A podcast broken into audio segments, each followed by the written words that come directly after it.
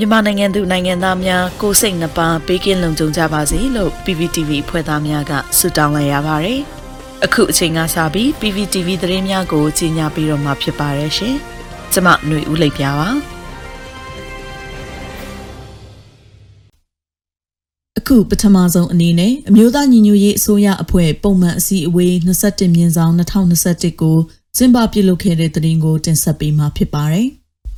အမျိုးသားညီညွတ်ရေးအစိုးရအဖွဲ့ပုံမှန်အစည်းအဝေး21မြင်းဆောင်2021ကိုယနေ့ဩဂုတ်လ31ရက်နေ့နနက်10:00နာရီတွင်ကျင်းပခဲ့ရာယာယီသမရဒူဝါလရှိလာပြည်အောင်စုဝန်ကြီးချုပ်မန်ဝင်းခိုင်တန်းနဲ့ဝန်ကြီးများဒုဝန်ကြီးများတက်ရောက်ခဲ့ကြပါတယ်။အစည်းအဝေးမှာယာယီသမရနဲ့ပြည်အောင်စုဝန်ကြီးချုပ်တို့ကအမှားစကားအသီးသီးပြောကြားကြရာယာယီသမရကြီးကအမျိုးသားညီညွတ်ရေးအစိုးရဟာပြည်သူတွေရဲ့လိုအပ်ချက်အရာဖွဲ့စည်းထားတဲ့တရားဝင်အစိုးရဖြစ်တဲ့အတွက် ပြည်သူတွေနဲ့ကင်းကွာလို့မရကြောင်းပြည်သူလူထုယုံမုန်းတဲ့အကြမ်းဖက်စစ်အာဏာရှင်အဖွဲ့ကိုအပြည့်ပြတ်ချေမှုန်းပြီးလူထုမျှော်မှန်းထားတဲ့တရားမျှတပြီးအေဂျင့်တာယာ၍လူအခွင့်အရေးကိုအပြည့်အဝခံစားနိုင်တဲ့ Federal ပြည်ထောင်စုကိုမကြခင်အုံမြင့်ချနိုင်တော့မှာဖြစ်ကြောင်းအမျိုးသားညီညွတ်ရေးအစိုးရအနေနဲ့ပြည်သူလူထုရဲ့တခဲနဲ့ပံ့ပိုးကူညီမှုနဲ့အာဏာရှင်ကိုအောင်နိုင်အောင်အသေးစိတ်စီမံချက်များချမှတ်ပြီး အားနည်းမှုမရှိအောင်အပြန့်ပြန့်အလှန်လှန်သုံးသပ်အတီးဖြူထားဖို့လိုကြောင်းယခုတော်လန်ရေးဟာပြည်သူတော်လန်ရေးမဟာဗျူဟာဖြစ်တဲ့အတွက်ပြည်သူကာကွယ်ရေးတပ်ပြည်သူလုံခြုံရေးတပ်ဖွဲ့ပြည်သူအုပ်ချုပ်ရေးနဲ့တိုင်းရင်းသားလက်နက်ကိုင်များအားလုံးလူဒန်းစားမရွေအသိပညာရှင်အတတ်ပညာရှင်များပြည်တွင်းပြည်ပပြည်အောင်စုတိုင်းရင်းသားပေါင်းစုံပါဝင်နေကြောင်းဒီတော်လန်ရေးမှာအစိုးရနဲ့ပြည်သူတရားတဲ့ပူပေါင်းပြီးအကြမ်းဖက်အာဏာသိမ်းမင်းအွန်လိုင်းအဖွဲ့ကို အမြင့်ဖြတ်ချေမှုန်းရမည်ဖြစ်ကြောင်း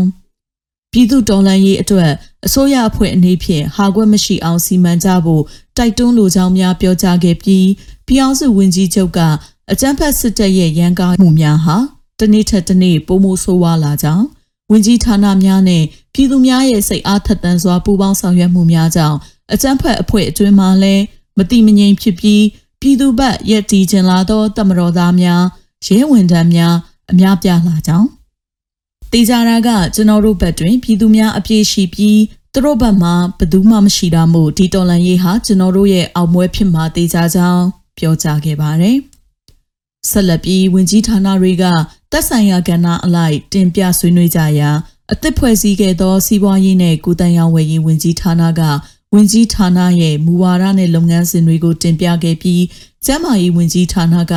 COVID-19 ရောဂါကာကွယ် ကုသထိန်းချုပ်နိုင်ရေးအတွက်ဆောင်ရွက်နေတဲ့လုပ်ငန်းစဉ်တွေကိုတင်ပြဆွေးနွေးခဲ့ကြပြီးအစည်းအဝေးကို17နာရီမိနစ်30တွင်ရပ်နားခဲ့ပါတယ်။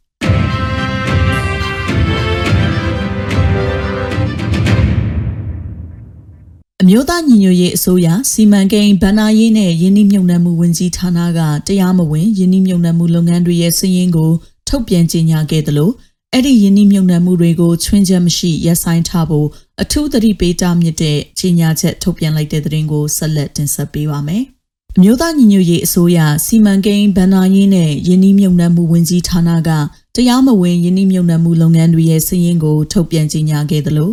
အဲ့ဒီယင်းနှိမြုံနှံမှုတွေကိုချွင်းချက်မရှိရပ်ဆိုင်းထားဖို့အထူးသတိပေးတာမြစ်တဲ့ကြီးညာချက်ကိုဩဂုတ်30ရက်ကထုတ်ပြန်ခဲ့ပါတယ်။ တရားမဝင်ခွင့်ပြုမိန့်နဲ့အတီးပြုမိန့်ရယူပြီးဆောင်ရွက်နေတဲ့ယင်းနှမြုံနှံမှုလုပ်ငန်း၈ခုကိုအမည်စရင်းနဲ့တကွထုတ်ပြန်တားမြစ်ခဲ့တာဖြစ်ပြီးမြန်မာနိုင်ငံသားယင်းနှမြုံနှံမှုအပြင်ဂျပန်တရုတ်စင်ကာပူထိုင်းစတဲ့နိုင်ငံတွေကယင်းနှမြုံနှံမှုတွေပါပါဝင်နေပါတယ်။အဲ့ဒီကုမ္ပဏီတွေဟာတရားမဝင်အာဏာသိမ်းစစ်ကောင်စီလက်အောက်ခံမြန်မာနိုင်ငံယင်းနှမြုံနှံမှုကော်မရှင်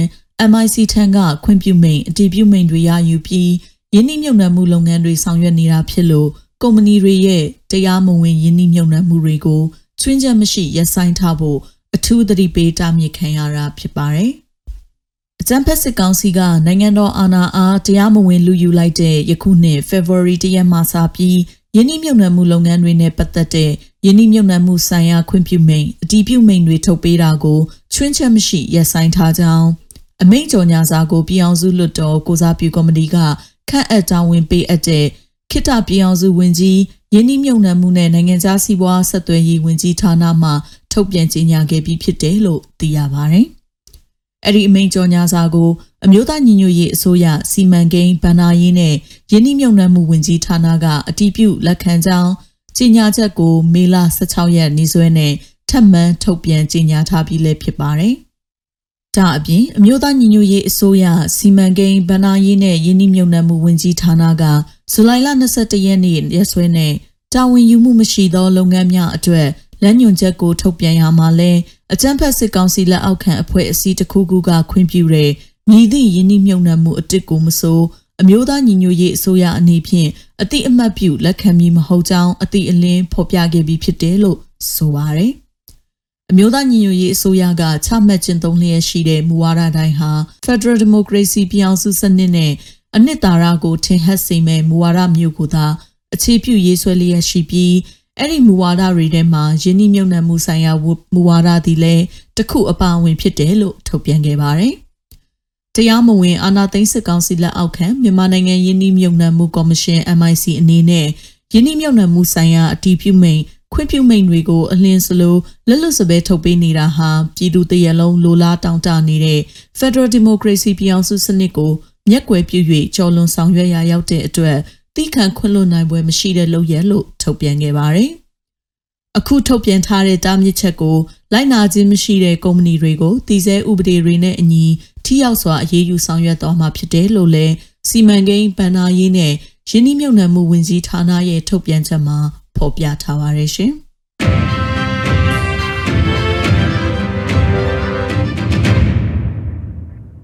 ဆက်လက်ပြီးအာနာရှင်တွေရဲ့လူအခွင့်အရေးချိုးဖောက်မှုတွေကိုထိမ့်သိမ်းတာလွှဲပြောင်းသိမ်းဆည်းတာတွေဟာလည်းတော်လှန်ရေးမှာပါဝင်ဆွနွှဲခြင်းဖြစ်တယ်လို့အမျိုးသားညီညွတ်ရေးအစိုးရလူအခွင့်အရေးဆိုင်ရာဝန်ကြီးဌာနကထုတ်ပြန်လိုက်တဲ့သတင်းကိုတင်ဆက်ပေးမှာဖြစ်ပါတယ်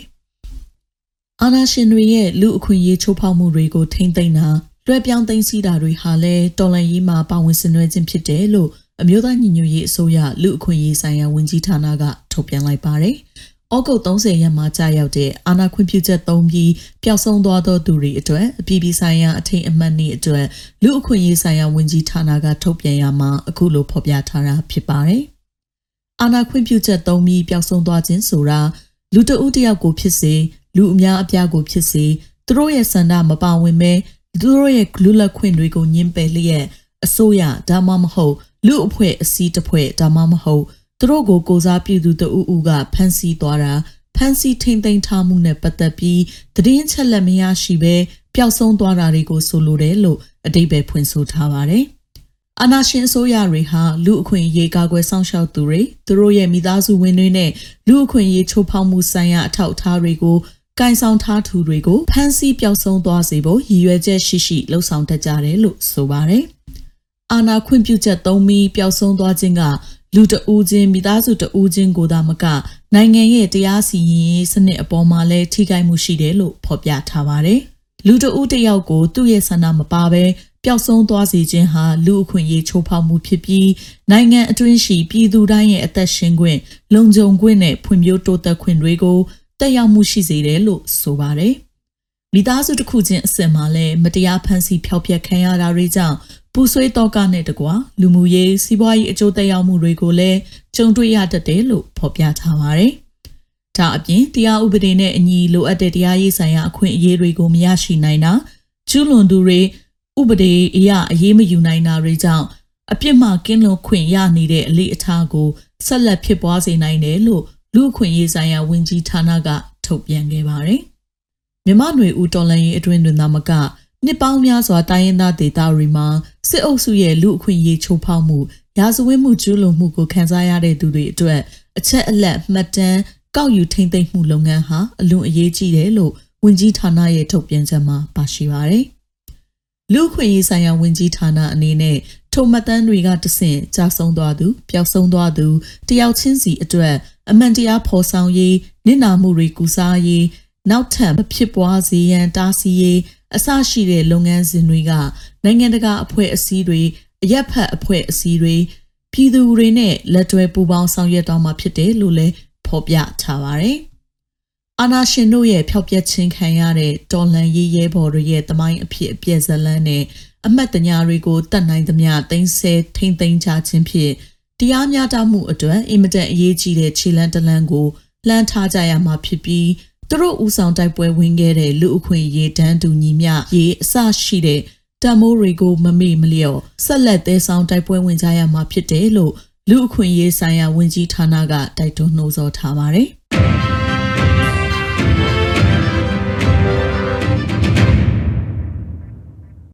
ဆက်လက်ပြီးပြိပခါကြောင့်နေအိမ်ကိုစွန့်ခွာရမယ်ဆိုရင်ဆောင်ရွက်တဲ့အချက်တွေကိုအမျိုးသားညီညွတ်ရေးအစိုးရလူသားချင်းစာနာထောက်ထားရေးနဲ့ဘေးအန္တရာယ်ဆိုင်ရာစီမံခန့်ခွဲရေးဝန်ကြီးဌာနက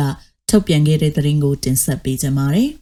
။ပရိပခတွေဖြစ်ပွားလို့မိမိတို့ရဲ့နေအိမ်ကိုစွန့်ခွာရမယ်ဆိုရင်စောက်ရွမ်းတဲ့အချက်တွေကိုအမျိုးသားညီညွတ်ရေးအစိုးရကယနေ့ထပ်မံထုတ်ပြန်လိုက်ပါတယ်။လူသားချင်းစာနာထောက်ထားရေးနဲ့ဘေးအန္တရာယ်ဆိုင်ရာစီမံခန့်ခွဲရေးဝန်ကြီးဌာနက ပရိပခတွေအတွင်းပြည်သူတွေဘေးအန္တရာယ်အတွက်ကြိုတင်ပြင်ဆင်ဖို့အချက်တွေကိုအပိုင်းလိုက်ထုတ်ပြန်လျက်ရှိရာအပိုင်း၃ကိုထပ်မံထုတ်ပြန်လိုက်ခြင်းဖြစ်ပါတယ်။နေအိမ်ကိုစွန့်ခွာရမယ်ဆိုရင်ဆောင်ရွက်တင်တာတွေကနေအိမ်မိခလုတ်တွေကိုပိတ်ထားဖို့နဲ့မိန်းခလုတ်တွေကိုချထားဖို့အချိန်ရရင်ရေတိုင်ကြီးတွေရေစီတွေကိုရေဖြည့်ထားဖို့လှုံ့ဆော်တင်တယ်လို့ဆိုပါတယ်။တမိုးကြီးပစ္စည်းတွေရှိရင်နေအိမ်တကားတော်တွေပိတ်ထားခဲ့ဖို့နဲ့ အကြံဖက်စစ်ကောင်စီဘက်ကနေအိမ်တကားတွေကိုဖျက်ဆီးထားခဲ့တဲ့နမူနာတွေရှိတဲ့အတွက်အခြားအဖို့တန်ပစ္စည်းတွေမကြံခဲ့ရင်တကားကိုစိတ်ပိတ်ထားခဲ့ဖို့အတိပေးချက်မှာဖော်ပြထားပါတယ်။နေအိမ်မှာအခြားအရေးကြီးပစ္စည်းတွေနဲ့စားနပ်ရိက္ခာတွေကျန်ရှိနေတဲ့ဆိုရင်စင့်အိုးပလတ်စတစ်ဘုံစရာတွေနဲ့ထည့်ပြီးမြေသွင်းတူးမြုပ်နှံထားခဲ့ဖို့ဒါမှမဟုတ် လုံခြုံတဲ့နေရာမှာထားခဲ့ဖို့အကြံပြုထားပါတယ်။ ရှောင်တိန်ရမယ့်နေရာကိုတွားရောက်တဲ့အခါမှာမိသားစုဝင်တွေအချင်းချင်းအဆက်အသွယ်မပြတ်စေဖို့အထူးသဖြင့်ကလေးငယ်တွေကိုဂယူးဆိုင်ခေါ်ဆောင်သွားဖို့နဲ့မိသားစုပြန်လည်ဆုံစည်းနိုင်မဲ့စုရဲ့အ ਨੇ ဆုံးနှစ်ခုတတ်မှတ်ထားဖို့အတိပေးချက်မှာပါရှိပါတယ်။မိသားစုဝင်များရဲ့နာမည်နဲ့ဖုန်းနံပါတ်တွေသွေးအုပ်စုတွေကိုလက်မောင်းပေါ်မှာရေးမှတ်ထားဖို့လည်းဖော်ပြထားပါတယ်။အရေးပေါ်ဆက်သွယ်ရမယ့်ဖုန်းနံပါတ်တွေကိုရေးမှတ်ထားဖို့အရေးကြီးစာရွက်စာတမ်းတွေကိုအားလုံးကိုစုစည်းယူဆောင်သွားဖို့ ပေါ်ပါလွတ်လပ်တဲ့အဝတ်အစားတွေကိုရွေးချယ်ဝတ်ဆင်ဖို့ပြင်ဆင်ထားတဲ့တကိုးစားအရေးပေါ်အိတ်ကိုယူဆောင်ဖို့စတာတွေလည်းအတိပေးထားပါတယ်။မိသားစုမှာကလေးတငယ်ကိုဝင်ဆောင်နဲ့တက်ကြီးရွယ်အိုတွေပါဝင်ရင်သူတို့အတွက်လိုအပ်တဲ့အစားအစာဆေးဝါးတွေကိုထည့်သွင်းယူဆောင်ကြဖို့လည်းအတိပေးချက်မှာဖော်ပြထားပါတယ်။အမျိုးသားညီညွတ်ရေးအစိုးရအနေနဲ့ပရိပခတွေအတွင်းပြည်သူတွေဘေးအန္တရာယ်အတွက်ကြိုတင်ပြင်ဆင်ဖို့အတိပေးချက်ထုတ်ပြန်ထားရမှာ ရခင်ကထုတ်ပြန်ထားတဲ့အပိုင်းနှစ်ခုရှိပြီးတော့အဲ့ဒါတွေကတော့လက်သက်ငင်းနဲ့ပြစ်ခတ်ခံနိုင်တဲ့ဒေသတွေကအယက်သားပြည်သူတွေသတိပြုဖို့အချက်တွေနဲ့အစားအစာအာဟာရအတွက်အနည်းဆုံးနှစ်ပတ်စာပြင်ဆင်ရန်အပါအဝင်ကြိုတင်ဆောင်ရွက်တဲ့အချက်တွေဖြစ်ပါတယ်။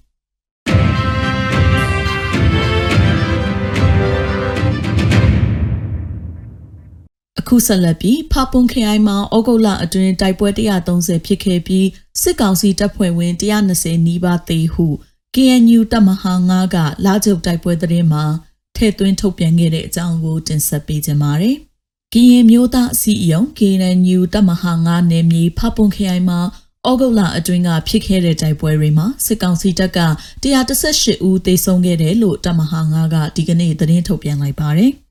စစ်တပ်အာဏာသိမ်းပြီးနောက်ပိုင်းမှာလာစဉ်လိုလိုတိုက်ပွဲတွေရာနဲ့ချီဖြစ်နေတဲ့ KNU တပ်မဟာ9နယ်မြေမှာအခုဩဂုတ်လမှာလဲတိုက်ပွဲ130အကြိမ်ဖြစ်ခဲ့တယ်လို့ဆိုပါတယ်။အဲ့ဒီတိုက်ပွဲတွေမှာစစ်ကောင်စီတပ်ကတရင်မှုတအုပ်အပါအဝင်69ဦးဒဏ်ရာရရှိခဲ့တယ်လို့လည်းထုတ်ပြန်ချက်မှာဖော်ပြထားပါတယ်။ KNU တပ်မဟာ9တပ်ဖွဲ့ဝင်9ဦးဒဏ်ရာရရှိတာရှိခဲ့ပေမဲ့ကြာဆုံးသူတဦးမှမရှိဘူးလို့လည်းထုတ်ပြန်ထားပါတယ်။ အဲ့ဒီထုတ်ပြန်ချက်မှာစစ်ကောင်စီတပ်ကအရက်သားတွေအပေါ်ကျူးလွန်တဲ့ဖြစ်စဉ်တွေကိုလည်းဖော်ပြထားပါတယ်။ဩဂုတ်လအတွင်းမှာစစ်ကောင်စီတပ်ကအရက်သား3ဦးကိုရိုက်နှက်ခဲ့လို့အဲ့ဒီအထက်ကတဦးဟာတေဆုံးသွားတယ်လို့ KNU တပ်မဟာ9ကပြောပါတယ်။ဒါအပြင်အရက်သားတွေလောက်ကင်စားတောက်နေတဲ့နေရာတွေကိုလက်နက်ကြီးပစ်ခတ်တာလေကြောင်းကနေကင်းထောက်တာတွေစစ်ကောင်စီဘက်ကလှုပ်ဆောင်ခဲ့တယ်လို့တမဟာ9ကထုတ်ပြန်ပါတယ်။ KNU တပ်မဟာ9ခုရှိတဲ့အထက်မှာတပ်မဟာ9နယ်မြေဟာ